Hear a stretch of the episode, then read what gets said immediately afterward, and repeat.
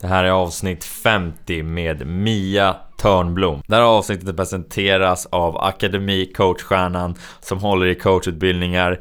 Vill du bli coach och hjälpa människor och företag att ta sig till nästa nivå och utvecklas? Eh, då kan jag rekommendera Akademi Coachstjärnan. Gå in och kolla in dem, jag har själv gått en utbildning där och lärt mig att bli coach. Eh, gå in på www.coachstjärnan.se och ange koden Kim Schultz vid bokning så får ni 1000 kronor i rabatt. Jag vill tacka vår sponsor Cognito som säljer kosttillskott. De har bland annat svampkaffe från Four Sigmatic som jag testat på under den senaste tiden och jag är mer pigg, jag blir mer klar i huvudet när jag dricker det. Det är lite bäskare smak än vanligt kaffe, men man dricker kaffe för att bli pigg och det här blir man mer pigg av än vanligt kaffe. Så om ni vill testa på den här produkten, gå in på www.cognito.nu och ange koden bli din basta version vid bokning så får ni 10% rabatt. Go check it out!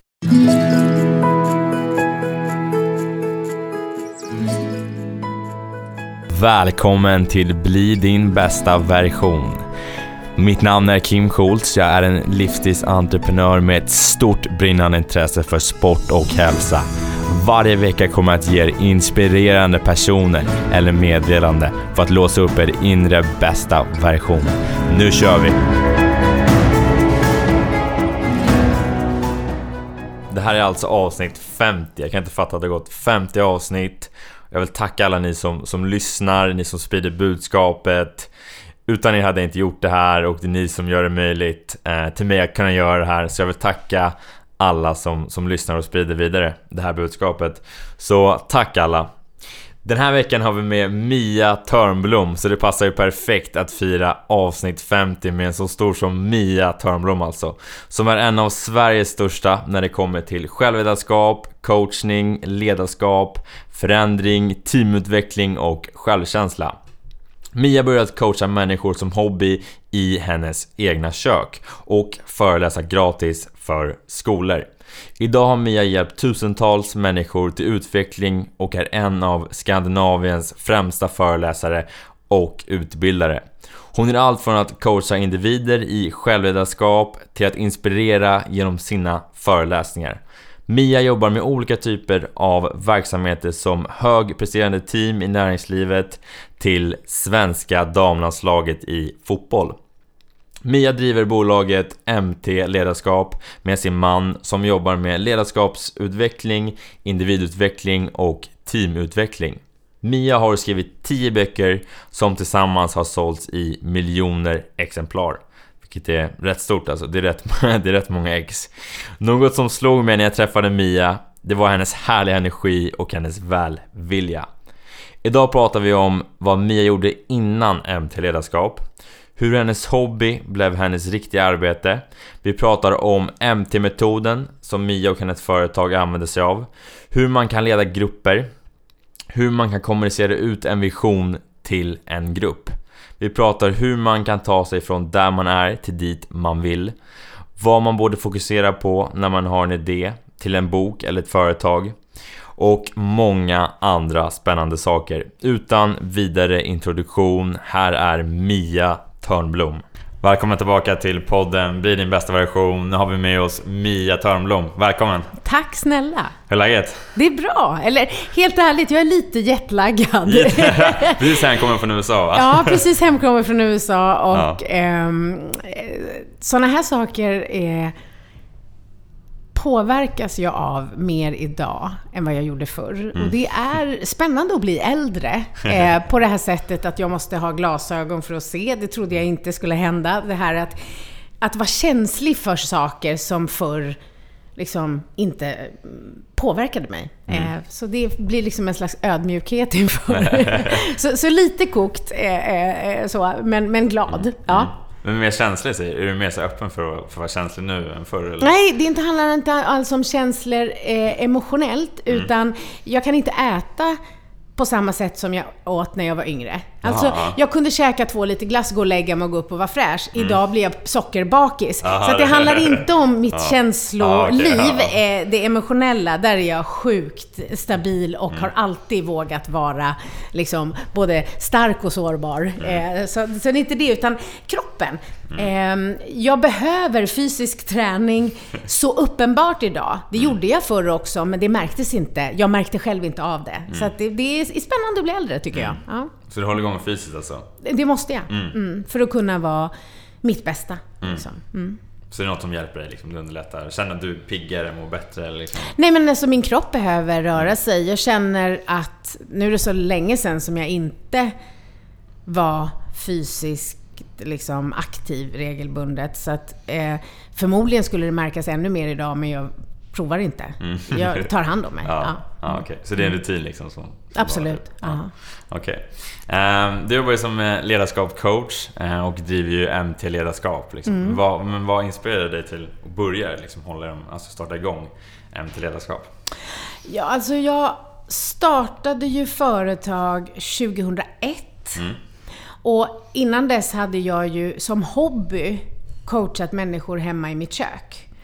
eh, och jag var anställd som ekonomiansvarig på ett IT-företag, men sakta inte kanske så sakta ens heller, men jag roffade åt mig allt som hade med personalansvar att göra för det var ett ungt IT-bolag och då, då kan man ju liksom, bara man tar för sig så får man göra saker. Så att jag visste liksom att det här med, med individ och, och, och teamutveckling är liksom, det är där jag brinner. Det är liksom mitt nörderi.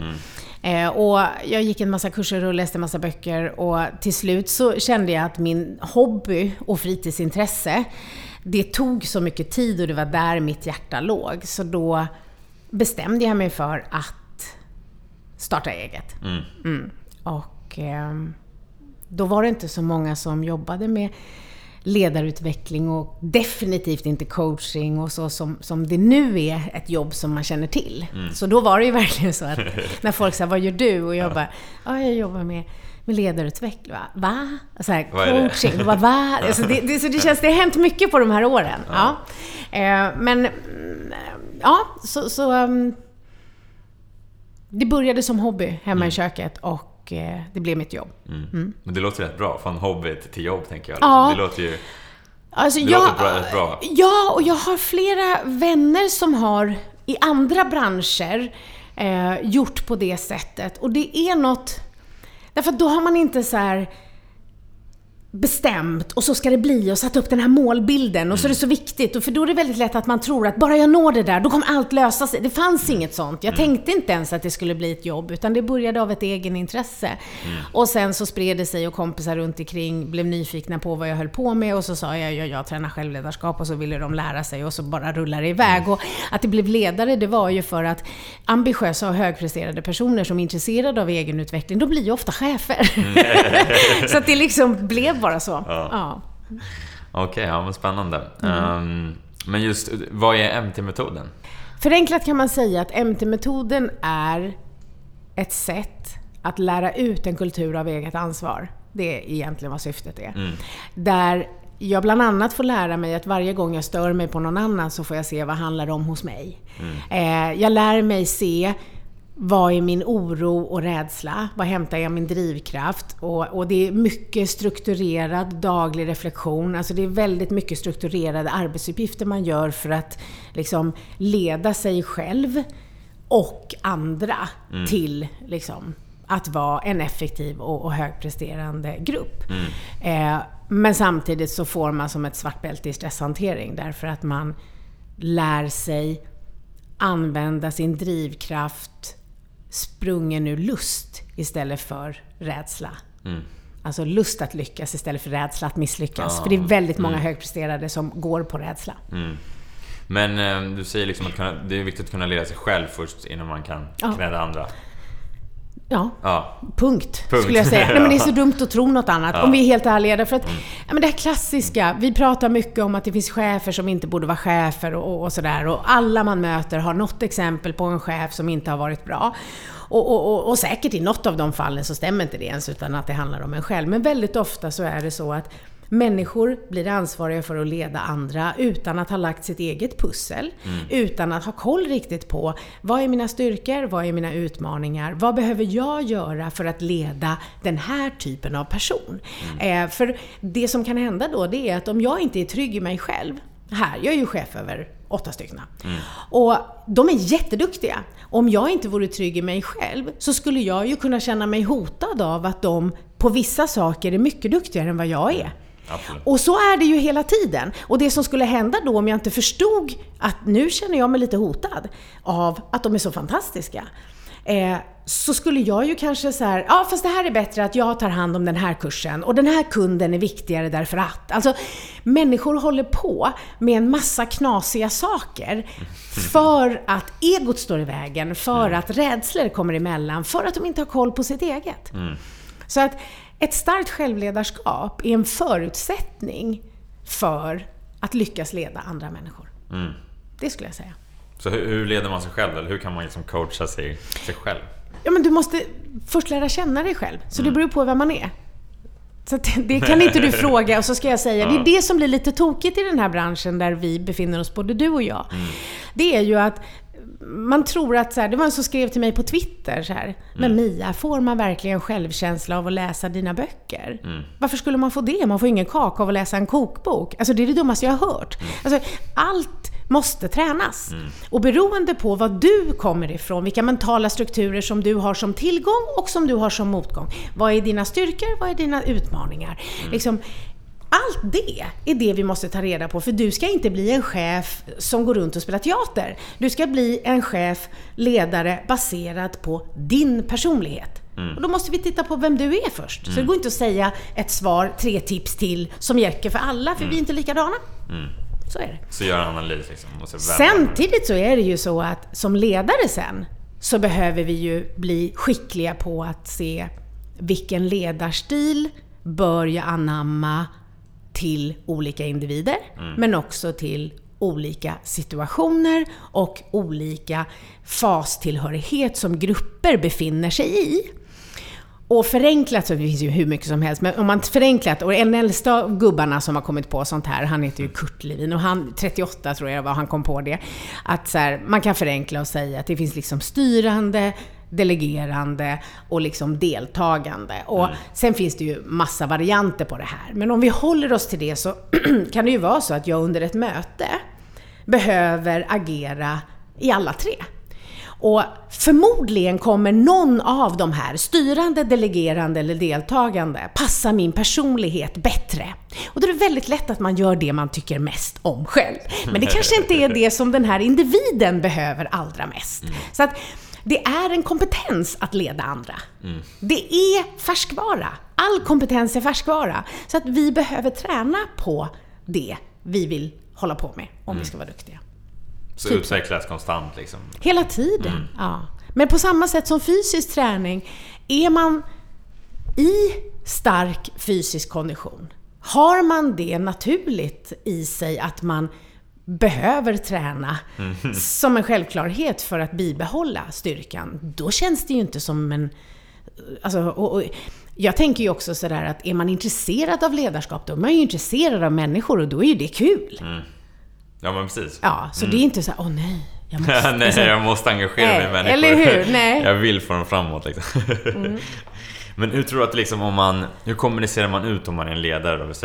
Vi en, vi har en vision i ett företag. Mm. Uh, och du vill kommunicera ut den här visionen och få folk att tro på det, gå med i den här visionen. Och det är det här som det är så att Visst kan man prata om människor som har karisma. Mm. Men någonstans så handlar det ju om att de män, alltså så här, släpp dig själv. Skit i hur du uppfattas. Fokusera på vem är det som ska lyssna. Mm. Så återigen, det beror väl på vilka de är. Det beror på vad har hänt fram till nu? Mm.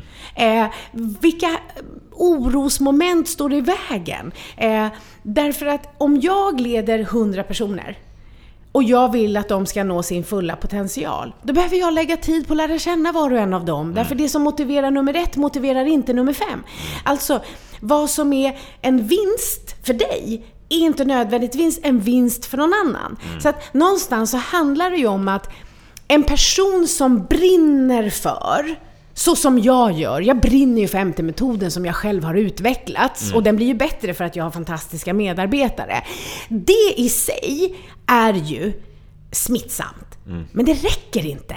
Därför att jag måste sen få dem att lära sig att jobba med det utifrån sitt sätt. Så att om jag vill få igenom en målbild, en vision, då behöver jag hitta ett sätt att sälja in vinsten med det för var och en av dem som ska vara liksom de som faktiskt utför det. Mm. Ja, och det är det här som många missar.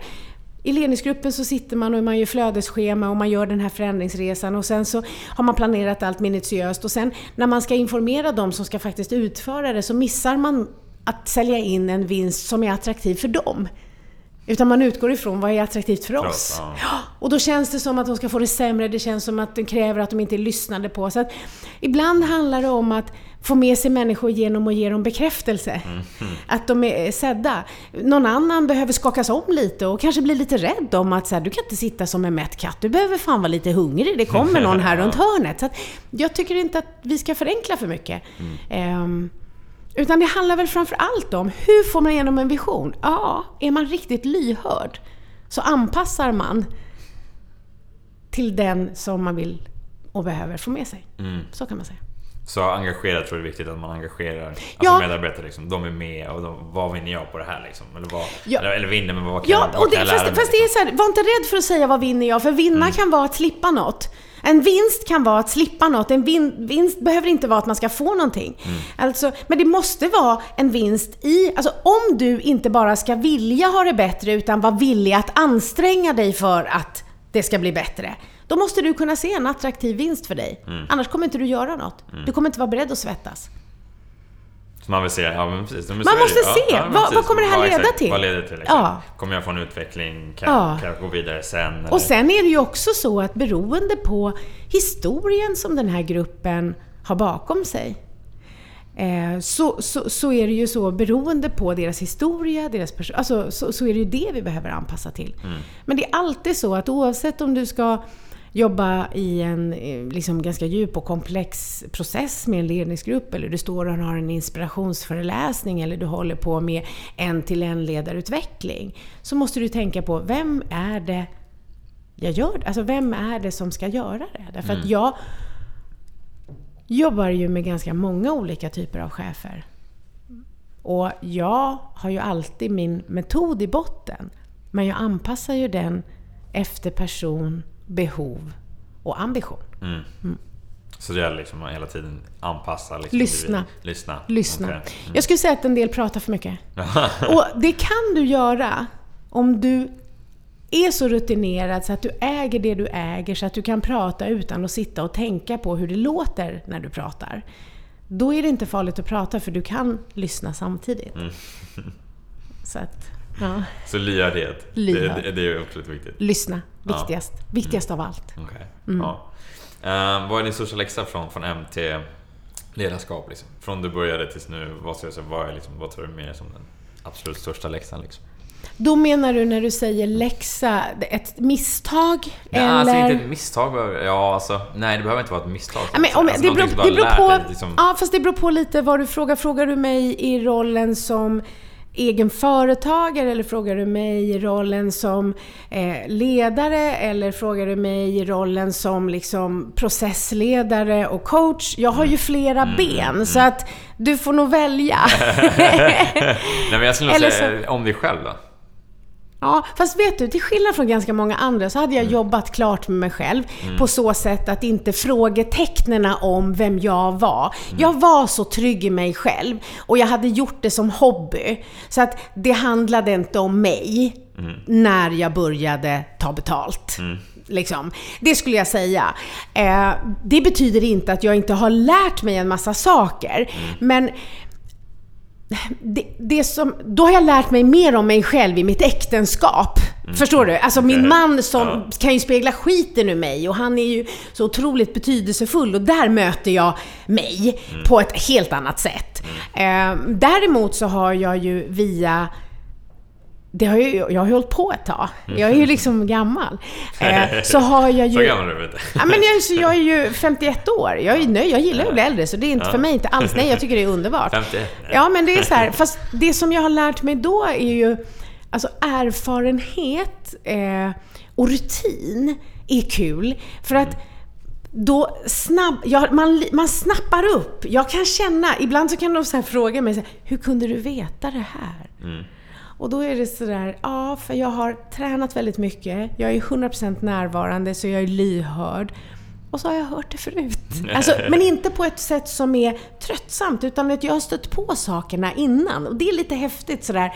Eh, nu känns det som att jag svamlar. Vad har jag lärt mig mest? Ja, men, bland annat så har jag lärt mig genom att driva företag så här länge att rekrytering är inte något som jag ska göra.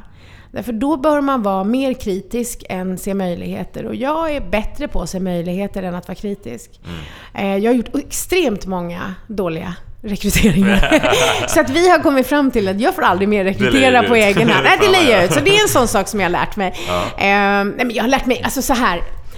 Det låter som när du säger vad du lärt dig om dig själv. Men då är det så här, om mig själv så, så skulle jag säga att så här, där hade jag pusslet lagt och jag håller ju på varje kväll och gör mina strukturerade. Så att liksom det är ett arbete som inte jag tycker att mitt jobb ska liksom behöva lida av. Eh, det är inte för min skull som jag sitter och coachar utan jag har ju ändå liksom hybris på så sätt att jag tycker ju att jag är liksom pretentiös. Jag tycker ju att jag är duktig så att jag tänker att jag tillför något. att, jag, att jag gör liksom andra människor, ger dem möjlighet att bli bättre. Så. Men, eh, vad, så att just det här om mig, men jag utvecklas och, och det jag ska säga också, som jag egentligen skulle ha svarat allra först, det är att jag lär mig varje dag saker i mötet med andra människor. Därför att jag träffar ju så många smarta, liksom, intressanta, spännande, roliga liksom, människor som har med, de har erfarenhet, de har kunskap, de har kompetens, de kommer från olika branscher. Så att det är inte så nödvändigtvis att jag lär mig något om mig själv.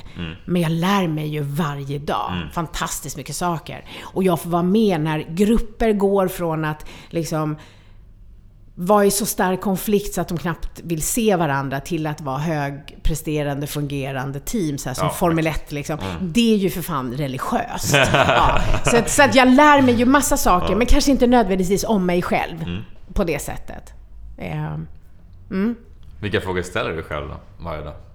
Ja, men jag, eh, varje kväll så skriftligen så skriver jag ju ner vad som var mindre bra och vad lärdomen blir enligt ett strukturerat sätt. Inte bara lite hur som helst, utan det är ju en metod för att se. Va? Ja, och sen så tittar jag på vad som var bra och sen tittar jag på vad jag är glad över och vad jag vill ha hjälp med för morgondagen. Förenklat kan man säga att det är så. Men när man har gjort det i 22 år, då har man utvecklat liksom, ett sätt att göra det så att det Ja. ger effekt. Men vilka frågor borde vi ställa oss själva mer tycker du? Nej, men jag tycker kanske framför allt att...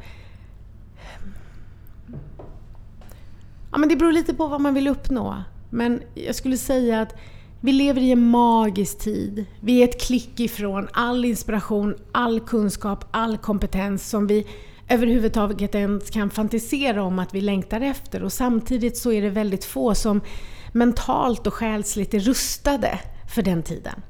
Så att man skulle kunna hitta sätt att liksom stanna upp, återhämta. Det tror jag de allra flesta behöver. Men sen är det ju olika. En del människor har ju väldigt höga krav på sig själva på ett sätt som blir destruktivt. En del har höga krav på sig själva som blir en sporre. En del ser aldrig sin egen del i en situation, relation och konflikt och de behöver verkligen bara nöta det. Så jag skulle säga, jag är försiktig med att generalisera. Alltså jag har träffat så mycket människor. Det finns likheter, men alla är unika. Ja. Så det, liksom, det finns inget quick fix. Då hade jag inte skrivit varje kväll i min bok i 22 år och fortsatt göra det. Men det betyder inte att varje handling inte gills. Det är som ett löppass. Det kommer inte ge mig kondition resten av livet, men jäklar vad skönt det kan vara. Att det här jag har sprungit 5 kilometer. Kanske inte under tiden för mig i alla fall. Jag tycker inte att det är jättekul, men efteråt känns det väldigt bra. Då är det skönt. Mm. Ehm, jag tänker, hur kan vi ta oss från där vi är till dit vi vill? Det beror på vad vi är och vad vi vill. Om vi... Vad ska vi säga då? Om vi, om vi är nyföretagare och vi startar upp ett företag som ska liksom framåt. Ja. Utvecklas. Det beror åter på igen. Vad har du för styrkor? Och hur kan du maximera dem på bästa sätt? Vad är ditt varför? Varför vill du göra det här? Ja. Eh, jag skulle säga att det finns liksom lika många sätt att driva framgång, liksom rika. eh, Men sen är det också så här, vad är din drivkraft? Vad är ditt varför? Är det pengar du vill tjäna eller är det, vad, vill, vad är nyttan med det du ska göra? Så jag skulle säga, börja med att ta reda på ditt varför. Men sen är det ju så att relationer är ofta mer värdefullt än pengar. I många branscher skulle jag säga. Sen finns det ju branscher där pengarna är det du behöver. Så det beror lite på vad du ska göra. Vilken business vill du bygga upp? Så för att få bättre svar måste du vara mer detaljerad när du ställer frågor. Men eh, hur viktigt tror du att ha relationer då? För att lyckas? Liksom? Vad sa du? Hur viktigt tror du att det är att ha relationer i, för att lyckas to be, alltså i affärslivet? Alltså jag skulle säga att i affärslivet eh, så är det ju så att att ringa och på något sätt säga Hej! Jag skulle jättegärna vilja träffa dig. Jag fick ditt nummer av Ulla. Och Ulla hälsar så mycket. Liksom, och om det då är inte bara något jag säger utan faktiskt är så att Ulla tycker att vi borde träffas, då är det så många steg på vägen som vi hoppar över. Alltså, jag vet inte hur många människor jag har hjälpt att få bokkontrakt. Väldigt många är de i alla fall. Och det är ju så att de hade fått bokkontrakt till slut ändå. Men det går lite fortare när man har hjälp av någon som känner alla. Alltså när jag ringer till ett bokförlag, av dem jag känner, ganska många, och säger Hej, gud det här, jag har hittat värsta, jag har hittat din nästa storsäljare, din nästa liksom riktiga så här, ja. Då tror de på det. Därför jag ringer inte hela tiden och säger det. Och det betyder att den personen får liksom den råkar inte bara hamna i ett opersonligt manus i en hög bland 500 andra manus den dagen. Alltså, det är det. Så att jag skulle säga att med relationer så ökar möjligheterna till framgång. Men om du inte sen levererar och gör ett bra jobb så spelar det ingen roll om du har relationer. Så att återigen, det är jätteviktigt att göra ett bra jobb. Man kan inte vara så att man kommer in på räkmacka för det liksom. Nej, och jag tror att man tittar utifrån och så tycker man att människor har åkt räkmackor hit och dit. Och jag har inte träffat den där räkmackan ännu. Vet du, jag har inte träffat någon som har åkt på en räkmacka. Jag har träffat människor som har haft tur och tillfälligheter. Skillnaden är att de har vågat ta Chansen. de ja, chanserna. Ehm, så att det var ju sånt, folk kom till mig när jag skrev min första bok så här. Ja, gud vad så smart att du liksom skrev den. Eller så smart att, eller så, nej, någon så här, ja men gud vad bra att du fick ge ut den här boken. Men jag har skrivit den också. Alltså är du med? Det är så här, Ja, jo, jo, jag har Ja men skrivit ner det. faktiskt, så här. Och det var fan inte lätt. Det var jättesvårt, det var det svåraste jag gjort. Och, och någonstans, hur fick jag bokkontrakt då? Jo, på grund av relation. Det var en av de cheferna som jag hade coachat som skrev en artikel i tidningen Amelia, som var en väldigt rolig artikel om hur det var att bli coachad av mig. Hon skrev att hon ser snäll ut, men nej, nej, nej. För jag är ganska Alltså det är kärleksfullt men det är inte lull-lull utan det är ganska så här: okej, jag speglar det du behöver se om dig själv. för att liksom, eh, på ett varmt och kärleksfullt sätt. Hon skrev en jätterolig artikel i tidningen Amelia. Och det gjorde att ett bokförlag ringde och frågade om jag ville skriva en bok. Mm. Så där, där Ja, dök det liksom. så gick det till. Ja. Ja. Och... Eh, men jag vågade tacka ja. Mm. Ja, men ser man alltså. Så det är det. sig, då kommer kanske Ja, och, möjligheten. ja, men alltså sådär. Och sen så tror jag att... Jag har ju också gjort en egen TV-serie och den blev inte alls bra. Eh, av massa saker. Av massa orsaker. Jag gick med på att kompromissa bort vissa saker och sådär. Men jag tror inte att man lyckas skriva en bestseller om man inte är beredd att också misslyckas i TV. Alltså, vi måste våga. Eh, vi måste våga. Det, det, det är väl det man hör av alla människor som vi upplever på något sätt har nått framgång. Det är ju att alla har misslyckats. Ja men verkligen. Ja. Men många är så... Jag tror inklusive mig själv liksom rädd för att misslyckas men egentligen så är det tänk, försöker jag tänka i alla fall, det låter Mm. kanske enklare än vad, vad det låter men det är någonstans en feedback på vad som inte funkar.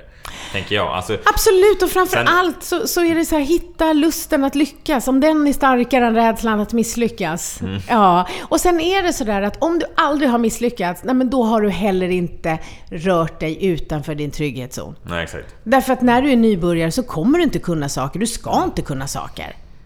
Exakt. Nej men exakt, vem kan det när man är ny? Det är Mm. Det omöjligt var en, att kunna en man, allting, liksom. är- en, en, eh, hög chef på ett företag där jag jobbar, en ingenjör. Han är också ganska så här fyrkantig, han är jätterolig. Mm. och så hade vi haft ganska mycket utbildningar där, så vi lärt känna varandra. Så tittade han på mig en dag och så sa han, men jag, jag tänker på det här när jag träffar mina vänner. Då, då skryter vi ofta för varandra om våra framgångar.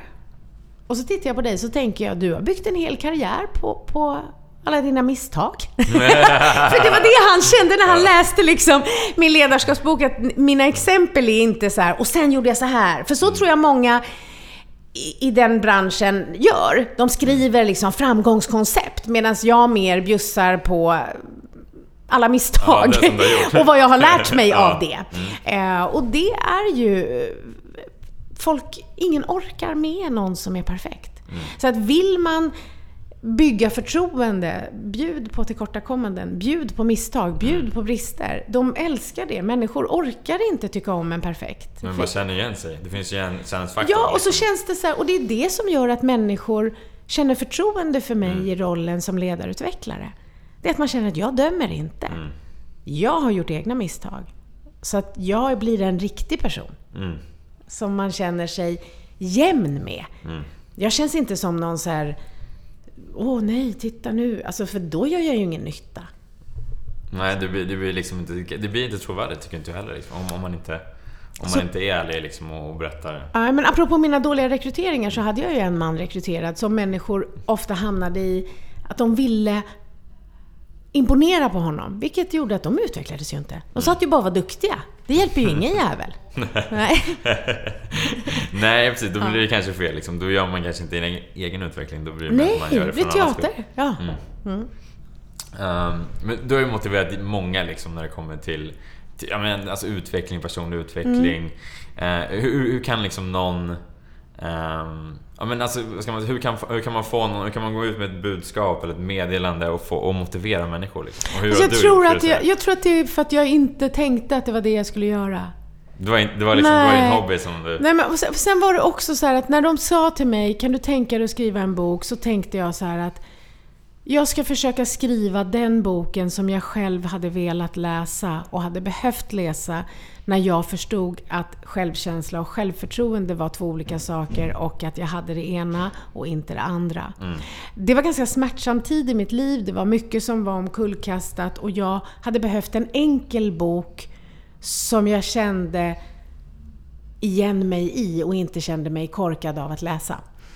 Och eh, så skrev jag den boken som jag själv hade velat läsa. För att jag för det var ville någonting för dig? Liksom, ge... Jag ville, nej mm. men alltså inte då, jag hade mm. ju... Men jag tänkte Processen, tillbaks ja. till... Och så bara, hur hade jag när jag var där? Så att istället för... För det är många som mejlar mig, hur skriver man en bestseller? Mm. Och eh, vilket bokförlag ska jag kontakta? Det är väldigt roligt. Och, då, och, det, och det, det tycker jag är roligare. Men sen är det de som säger, gud jag måste ut en bok, alltså jag har så mycket att berätta. Och då mm. brukar jag säga, ja fast det är precis fel orsak. Det är helt ointressant vad du vill berätta. Det som är mm. intressant är vad är intressant för någon annan att läsa. Mm. Och där tror jag att många, de, det är egot som slår på. Mm. Det är så här, kill your darlings. Det är inte intressant. Alltså när jag skriver själv, jag har skrivit tio böcker nu, mm. så kan jag så skratta när jag skriver för jag tycker att det är så jävla roligt själv. Men jag vet så här, det här kommer stryka sen. För det här är jag som har kul. ja. Är du med? Det är inte intressant för en enda människa. Vad ger det för värde till någon annan? Exakt! Liksom? Och det är det där jag tror att vi är liksom för självupptagna i det där. Vi tror liksom, det är jag. Och det här är den bästa bok. Det var någon så i min bransch som skrev en bok på 900 sidor. Snacka om, alltså, alltså, men gud, herregud. Folk frågar så här, vem behöver din bok? Ingen, alla klarar sig utan. Men mm. några som kanske vill kan läsa den. Mm. Alltså, man måste förstå att man är en liten del. Folk säger, gud, jag har inte alla dina böcker. Nej, det behöver du inte. Välj en! Alltså, vi, många tar sig själv på så stort allvar. Ja. Alltså, jag tror att det är det som gör mig framgångsrik. Att jag förstår att det är inte jag, det är dem. Jag är bara tränaren. Mm. Ja, men det där tror jag mycket sådär... Alltså jag tror många, inklusive mig själv, har tänkt såhär, fan det här är en perfekt idé. Det här vill jag göra. Det här är perfekt. Men vem vill ha liksom, ja, men, och jag tror vem, vem vill ha den företagsidén? Jag, tror, jag tror att man börjar i fel ända. Ja. Jag tror det. Ja, jag tror att så här, det som är med hjärtat, det, är liksom, det kan inte låta bli att komma där. I alla fall när du jobbar med den här branschen. Eh, så, det är många som säger, nej det kan inte jag vara med på, jag måste tänka på mitt varumärke. Mm. Ja, men ett varumärke är ett rykte. Så länge det inte Alltså vad kan påverka vårt rykte negativt? Ja, om vi är slarviga, om vi gör ett dåligt jobb, om vi har dålig respekt, om vi inte lyssnar på andra. Alltså det handlar om hur vi är. Mm. Inte om vi tog tre sådana bilder och la upp på Instagram eller hittade en bra titel till. Alltså, det kan funka ett tag. Alltså, man kan sälja 10 000 böcker skulle jag säga med bra PR. Men för att sälja fler böcker måste bokjäveln vara bra. Mm, exakt. Ja, för sen blir det en snackis. Det är det som gör att den sprider sig. Exakt. Folk börjar snacka den här är bra, rekommendera Exakt! till en annan. Ja, det är blir det som är framgång. Är det liksom, ja. Och det är lite nu som han, eh, Thomas Eriksson som har skrivit Omgiven av idioter. Mm. Eh, fantastisk framgång. Allt är rätt. Och då är det en del då som jobbar med de här färgerna som känner sig lite så här, mm, mm, mm, hade jag kunnat skriva den boken? Mm, mm, mm. Ja, men nu gjorde ni inte det. Och han gjorde det och han gjorde det så bra så att den har spridit. Sen är titeln jättebra, enkelheten, folk känner igen, men folk pratar ju om den. Ja, den berör dem och då är det en bra bok. Därför det var vad människor ville läsa. Exakt. Ja. nu är vi igång. Ehm, ja, för hur kan, hur kan liksom... Hur förbereder du dig för en viktig sak? När du ska göra någonting viktigt? Återigen, du kan inte fråga så. Fråga, vad är det du vill veta? Vilken förberedelse? Ska jag föreläsa? Ska jag hålla kurs? Ska jag processleda? Alltså, Vi säger, vi säger det, det, det liksom tycker är viktigast. Alltså, det, ja, alltså så här, du- jag förbereder ju mig på så sätt att jag aldrig slarvar med att ta hand om mig själv. När det gäller fysisk träning och för att hjärtat behöver det, komma upp i puls, blåsa ut skallen.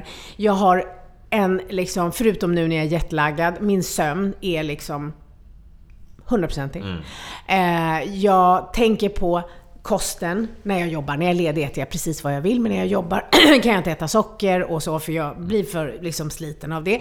Eh, jag strukturerat reflekterar varje kväll. Så att jag är ju hantverket och jag ska vara i balans. Det förtjänar mina kunder. Oavsett om jag ska hålla en inspirationsföreläsning eller om jag ska hålla en processledning. Så att förberedelsen vad det gäller att jag ska vara i bra form, den har ju börjat för länge sedan. Och det är någonting som jag liksom tar på yttersta allvar. Det är liksom respekt. Så. Sen är det ju så att ofta handlar det ju om att samla information om den grupp jag ska jobba med. Och då kan det vara så att det är ofta chefen som anlitar mig. Och då får jag ju mycket information av chefen, men det är inte alltid, alltid helt hela bilden. Och, och då kan jag känna ibland att sådär, det kan vara bra om jag gör ett besök hos dem innan.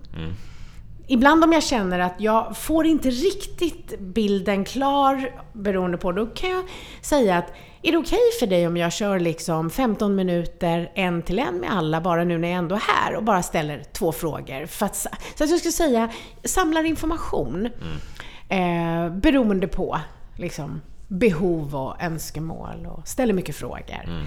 Eh, det är väl den viktigaste förberedelsen. För att någonstans så handlar det ju om att jag kan ju komma och göra ett jättebra jobb, men om jag inte gör det de hade önskat sig, så spelar det liksom ingen roll hur bra det var.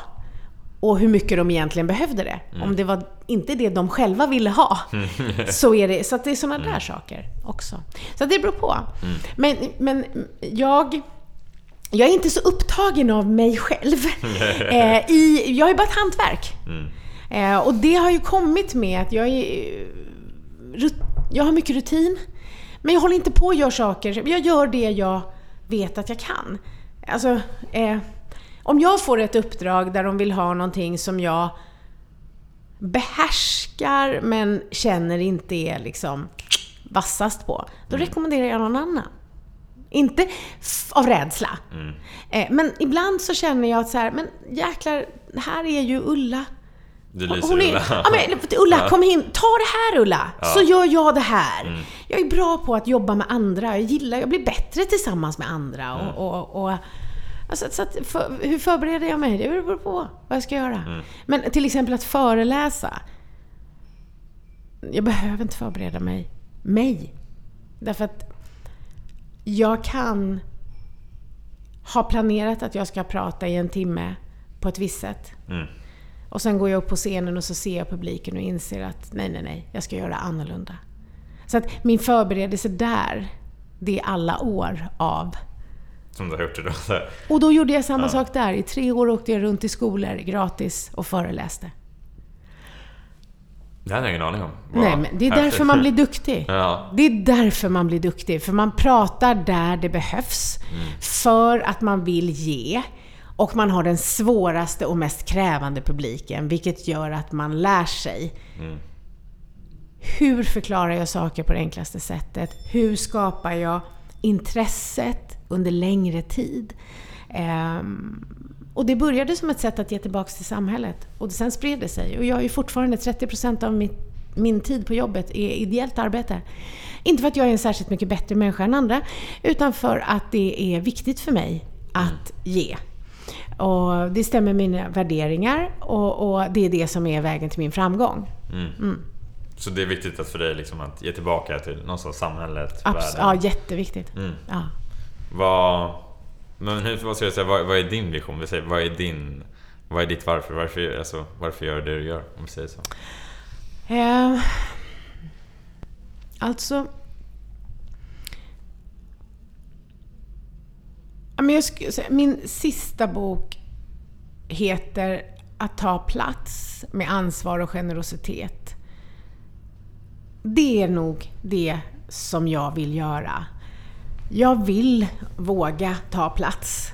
Eh, men jag vill göra det med andra, inte på bekostnad av andra. Alltså generositet är den värderingen av alla som när jag är tvungen, om man gör såna här övningar, man ska stryka alla och ha en kvar, så är liksom generositeten är det som stannar. Det är Eh, liksom det, blir det, liksom. blir det, Mm. ja den är viktig för mig. Men också det egna ansvaret. Och, och någonstans är det sådär att jag har fått vissa gåvor. Och, och de är förknippade med att lyssna, de är förknippade med mm, liksom, förståelse för oss och hur vi samverkar. Och jag vill på bästa sätt använda det för att liksom framför allt de personer som jag känner gör väldigt mycket nytta där ute. Ehm, så att jag känner mig stolt över att jag är bra på att andra som gör mycket nytta, jag kan göra dem trygga. Jag kan hjälpa dem att håll, vara hållbara. Jag kan hjälpa dem att nå ut till fler. Ehm, det, det skulle jag säga är mitt, är mitt varför. Mm. Jag är inte intresserad av applåder. Det tror folk att man är bara för att man står på scen och det är många som är det. Eh, för mig är det... Alltså igår så var jag ju och föreläste. Och sen så skulle jag ta tåget hem och då kom jag och då satt det några kvinnor där som hade varit på föreläsningen. Och så sa de, nej men gud kommer du nu? För nu sitter vi här och pratar om allt vi har lärt oss och hur vi ska ta tag i det här. Jag bara, så ni känner att jag kommer och stör? De bara, ja! Och det är typ det bästa komplimangen jag kan få. Alltså att jag har satt igång saker i dem som de vill ta hand om. Det är det jag vill. det är det jag vill ha. Jag vill att de går därifrån och har med sig något. Eh, jag vill inte att de... En del föreläsare går upp på scen och så säger de det där var inte en tillräckligt stark applåd. Vi tar det igen. Och jag blir så här, det är så konstigt för mig, för varför ska man ge mig en applåd innan jag har gjort något? Jag fattar inte det, jag är ingen rockstjärna. Alltså är du med? För då applåderar vi för att vi har relation till deras musik som de, vi spelar hemma. Alltså, och jag säger inte att andra inte får göra så. Jag säger att mitt varför är så långt ifrån det. Alltså om jag, jag har inget behov av att stå på scen. Jag har ingen behov av applåder. Jag är jättebra på att bekräfta mig själv. Jag gör det varje dag. Eh, så den dagen som jag känner att det jag har att säga inte längre liksom betyder något, då slutar jag. Jag slutar liksom innan dess. Eh, Om det inte är relevant. mitt, min absoluta drömbild är att gå runt här och servera kaffe och säga att alla är duktiga och så ska jag bara vara omgiven av fantastiska människor som är ute och gör det jag har gjort hittills. Det är min absoluta Så det är det du vill liksom... Ja, det är dig. så. Det är det Ja, du vill efter jag vill vara på kontoret, jag vill servera kaffe och säga att alla är duktiga, så kan de komma och hälsa på. Det kanske blir tråkigt, jag vet inte, men jag tror inte det. Det Nej. låter rätt bra. Ja, det då har passar man liksom, mig. Då har man gjort någonting, Ja. känns det stort Men jag, faktiskt. dräng, Alltså, det jag tänkte aldrig att jag skulle skriva en bestseller. Jag tänkte aldrig att jag skulle göra något av det här. Mm. Men däremot så är det så att varje sekund av uppdrag kräver min hundraprocentiga uppmärksamhet. Jag tar inte mig själv på så stort allvar. Men jag tar andras tid, pengar och förväntningar Mm. på ett stort allvar. Ehm, ja, intressant. Mm. Ehm, finns det någon fråga som du har funderat över? Som ingen har ställt till dig?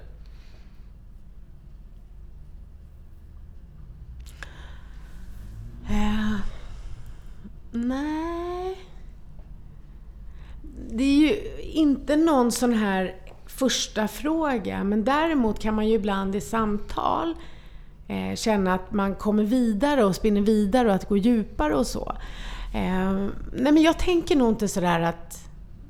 Jag har nog fått fler frågor genom åren än vad jag har gått runt och fantiserat över vad jag ska svara. Är du med? Eh, så, så, så, så, jag har nog inte tänkt på det. Mm. Um, ja, nej. Som mer, ja, mer frågor än svar. ja, men faktiskt. Alltså så, eh, alltså, så här, det är klart att jag kan eh, liksom gå runt och tänka sådär att... Det kan man ju ofta göra efter en sån här intervju så kommer man ju efteråt på så här, fan det där borde jag ju ha sagt och det där borde jag ha sagt och sådär. Så kan det ju bli. Mm. Och om man inte har blivit intervjuad på ett tag så känner man sådär lite... Och som nu när jag känner mig lite så här, jag känner mig lite långsam och luddig och jag känner att jag pratar länge innan jag kommer till sak liksom. Men, men... Eh, nej, jag kommer inte på något spontant så. Um, nej, det gör jag inte. Sen är det intressant, ämnen som jag tycker är intressanta och mm ja, men just det här, vad är ditt val? Alltså sånt, sånt tycker jag är nörderi intressant och mm. så. Ja. Mm. Mm. Nej, jag ska säga så här att väldigt ofta när människor intervjuar mig så börjar vi prata om dem istället. Mm. Och det gör de, mig de varför inget. eller? Vad, Nej, men vi börjar prata om dem själva istället. Eh, att människor vill prata om sig. Mm. Och jag är bra på att prata om andra. Med dem. Eh, så att, nej, och det tycker jag bara passar in. Ja, mm. Nej, jag mm. vet inte. Jag har ju skrivit tio böcker så att jag har väl säkert sagt det där som jag annars hade gått runt och tyckt att någon borde ha frågat. Jag har väl inte väntat på, det kanske är ett bra svar, jag har liksom inte väntat på att få frågan. Mm. Utan jag har svarat på den ändå. Ja. Vad, vad är du mest tacksam för under den senaste tiden? Ja, jag är tacksam. Du vet, jag skriver ju varje kväll, jag har gjort det i 22 år. Varje kväll skriver jag ner. många journaler, tänker jag. Ja, jag sparar inte längre alla. inte Nej, ja, inte alla. Jag sparar vissa böcker av olika orsaker och, och mm. så. Och jag har ju självklart den första boken och, och, och, många viktiga böcker kvar, men det har blivit för många böcker. 22 år är lång tid. eh, och, så. och jag är inte en samlare. men jag är tacksam över men så otroligt mycket. Uh, verkligen.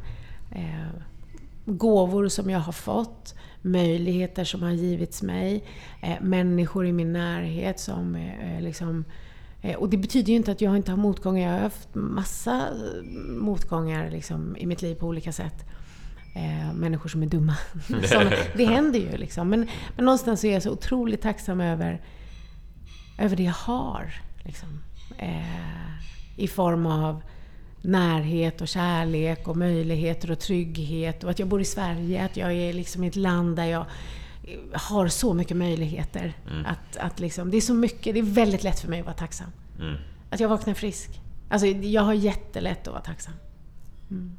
Har du sån tacksamhets... Skriver du, ner, skriver du ner någonting du är tacksam för? Något sånt? Varje kväll. Det gör du? Ja. ja. Mm. Det är en av de det... fyra frågorna. Mm. Mm, jag är glad över.